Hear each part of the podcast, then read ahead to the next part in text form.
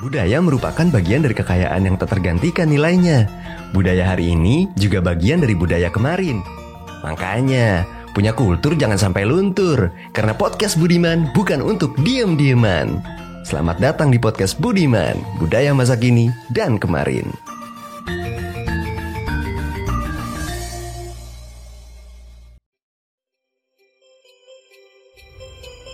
Halo sobat muda, Halo, ketemu lagi nih. di mana tuh? Tentunya di podcast Budiman dong. Budaya masa kini dan kemarin. Wuhu. Yeay. Sebelum masuk ke topik kita kali ini, Yap. baiknya kita kenalan dulu dong. Yoi. Kenalin sobat muda, nama gue Andin. Halo, gue Nasya. Oke, abis kenalan kita langsung tancap gas nih ke topik pertama kita. Bentar. Emang kita mau bahas apa sih, Din? Waduh, gimana sih kurang briefing? Enggak ya, bercanda. Jadi, sobat muda, kali ini kita mau bahas salah satu makanan pokok orang Indonesia Nah, dan ibaratnya tuh udah mendarah daging nih ya. Makanan pokok yang satu ini sama warga plus 62. yep, kayak apa ya? Setiap hari dimakan dan kadang emang harus selalu ada aja nih makanan pokok ini. Bener banget. Kalau nggak makan ini tuh kayak ada yang kurang ya. Hmm, salah satunya elu ya, Sya. Aduh, jangan buka kartu gitu dong, Din. Jadi, kali ini kita mau bahas tentang makanan pokok yang hubungannya erat banget sama masyarakat kita. Bener nggak nih, Sya? Bener banget, Din.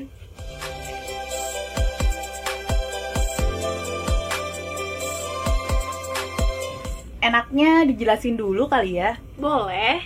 apa itu makanan pokok dan Mm. apa aja sih jenis-jenis makanan pokok yang ada di Indonesia. Oke. Kalau sendiri, Din, Din, taunya apa aja sih? Kalau gue nih ya, Mm-mm. taunya makanan pokok itu ya makanan utama.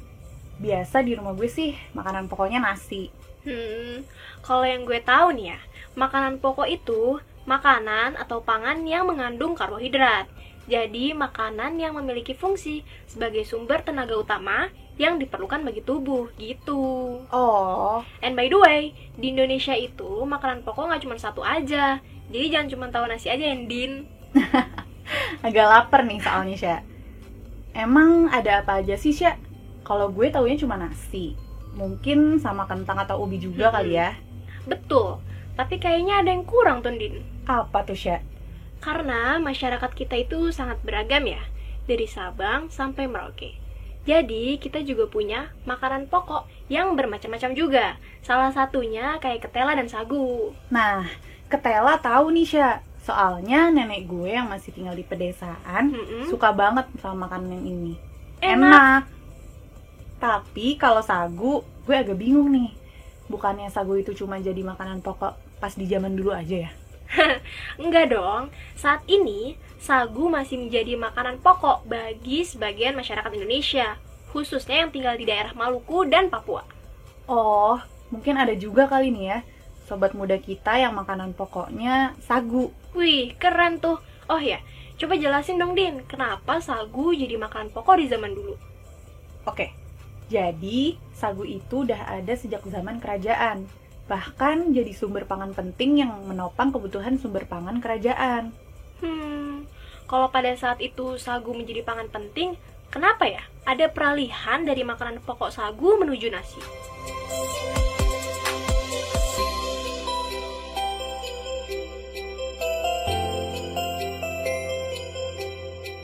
Nah, peralihan itu dipengaruhi oleh beberapa faktor loh, Sya.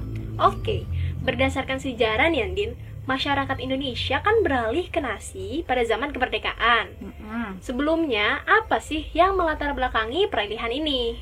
Nah, mending kita bongkar sama-sama aja jawabannya. Oke, Jadi, pada awalnya, nenek moyang kita itu membawa padi masuk pertama kali ke kawasan Nusantara hmm, dari India atau Indochina Hmm. sekitar tahun 1500 sebelum Masehi.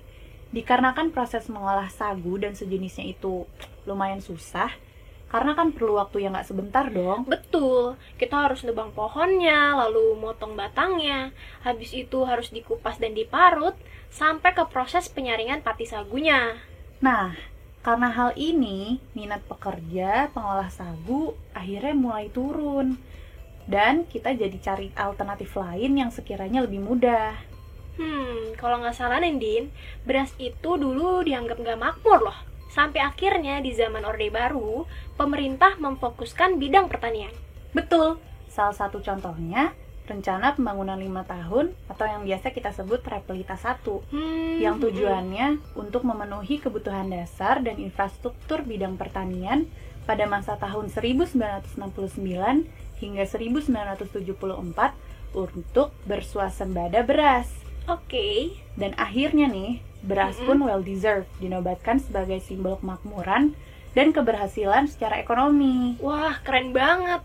Dari zaman itu sampai saat ini, bahkan sampai kita ngerekam podcast ini juga, nasi masih menjadi makanan pokok yang makmur ya. Mhm. Setelah membahas sejarah kedatangan nasi, Hmm, hmm. dan bentuk peralihannya pada masa itu sadar nggak sih kalau di Indonesia nasi itu masih banyak jenisnya Wah, iya ya. Tapi kayaknya kalau dihitung nggak akan bisa, Dendin. Lo tahu sendiri, masyarakat kita itu kreatif dan inovatif. Gue jamin setiap daerah pasti punya khas nasinya tersendiri nggak sih? iya juga ya tapi coba deh Sya, kalau Hmm? menurut lo ada apa aja nih Hmm, kalau yang gue tahu sih, ada sih beberapa kayak nasi merah, nasi jagung, eh, nasi liwet, nasi uduk, terus nasi bakar, nasi timbel, apalagi ya? Oh ya, nasi goreng. banyak ya Hmm. padahal belum kesebut semua loh Iya ya. Kalau lo tahu apa aja, Nindin? gue tahu nih ada nasi jinggo Hmm, nasi kucing enak tuh. nasi tutuk oncom nasi kuning dan nasi tumpeng juga Wah, tahu nggak sih kalau nasi tumpeng itu menyimpan cerita budaya? kenapa tuh Kata sejarawan kuliner, nasi tumpeng itu merupakan transformasi budaya Hindu-Buddha yang menyimbolkan keagungan gunung sebagai simbol dari alam raya.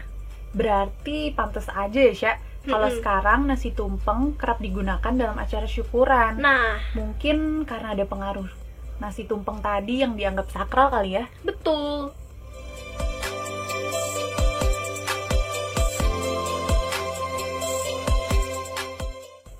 Tapi nih Sya, Mm-mm. sebenarnya kenapa ya di antara makanan pokok kita yang lain, kita lebih milih nasi?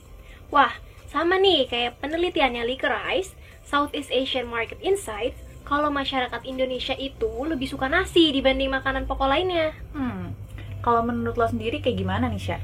Mungkin karena nasi itu simpel kali ya, Din. Kayak gampang didapat, terus cocok aja dinikmatin sama menu apapun. Bener banget. Rasanya tetap klop gitu kan? Iya, sebenarnya alasan kenapa nasi tetap jadi pilihan di masa sekarang, udah Mm-mm. terangkum sama apa yang kita udah bahas tadi. Betul. Kayak beras itu murah Mm-mm. dan hasil produksinya juga tinggi. Bener banget. Terus mudah juga dicarinya. Apalagi nih ya, ngelihat berbagai alasan yang melatar belakangi. Jadi nggak heran kalau sampai detik ini nasi itu jadi makanan yang paling gampang kita temuin. Dan nasi itu emang yang paling ngenyangin aja gak sih buat perut-perut orang Indonesia? Nah, betul.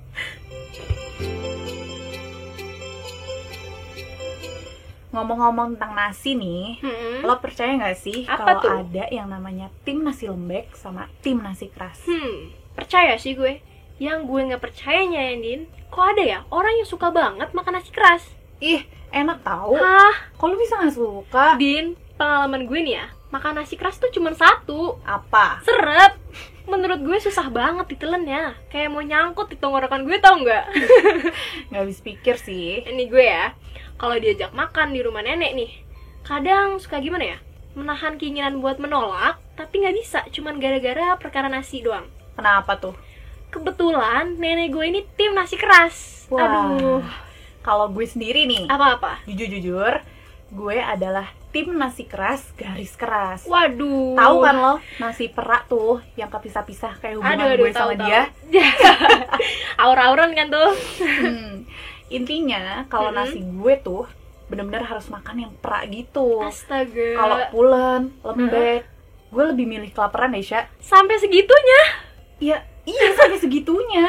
tapi lo suka bubur kan? Suka. Nah, harusnya suka dong nasi lembek. Aduh, gini ya. Gimana Kalau gimana? bubur, oke Mm-mm. lah. Kayak beneran nasi dimasak jadi bubur yang bentuknya tuh udah bukan butiran nasi lagi. Hmm, oke lah, oke. Nah, tapi kalau nasi lembek tuh, aduh, kayaknya gue nggak bisa lanjut deh. Ya, Kayak ini ya. Kalau Kenapa? misalnya kita lagi makan di tahu kan lo restoran ayam Oh, cepat saji. tahu-tahu. gue belinya ya ayam sama kentang atau ayamnya Astaga. dua aja sekalian. Astaga. Karena lo tahu kan Heeh. nasi-nasinya tuh kan Bener, pada bener-bener bener. pulen, lembek, just Mm-mm. nggak boleh diperbolehkan masuk oleh mulut gue. hmm. Speechless sih. Gue malah prefer banget tuh makan nasi si restoran ayam cepat saji tuh. Apalagi nih, nasinya yang sampai nyatu, Aduh. terus lembut banget. Kalau dimakan tuh yang lep kayak effortless aja gitu. Hmm, fix.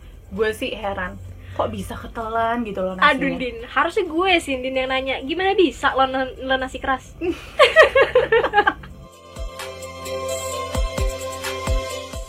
Aduh, nggak berasa ya Din Tiba-tiba udah berada di penghujung podcast aja nih Emang sih kalau ngobrol sama gue dijamin asik kan, Sya? Kayaknya lebih ke topik kita yang seru juga kali ya iya sih. Jadi Din, Apa? sebagai negara kepulauan terbesar di dunia Mhm. Indonesia punya berbagai makanan pokok Yang tentunya sangat amat beragam ya Mhm. Jadi nggak cuma nasi aja dong, Betul ada ubi, Mm-mm. kentang, Mm-mm. ketela, bahkan sagu sekalipun. Betul banget. Selain itu, nasi juga menjadi bagian loh dari budaya kita.